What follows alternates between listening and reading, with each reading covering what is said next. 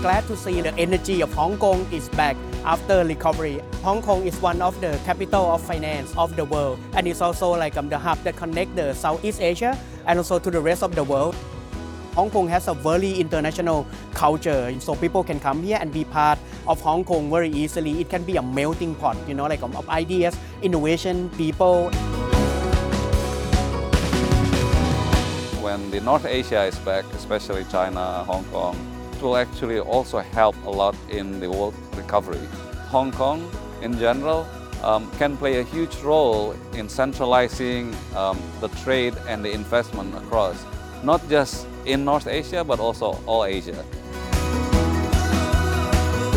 Asia supply chain is one of the largest in the world, and a lot of the activities centered here, be it in the financial sector or the supply chain, actually can drive a lot of the global trade initiatives and global sustainability initiatives.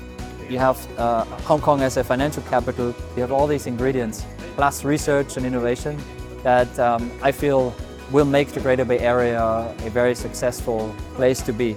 We want to be where the growth is, and uh, we anticipate that a lot of this will come out of GBA and we'll see tremendous opportunities if you're based in Hong Kong.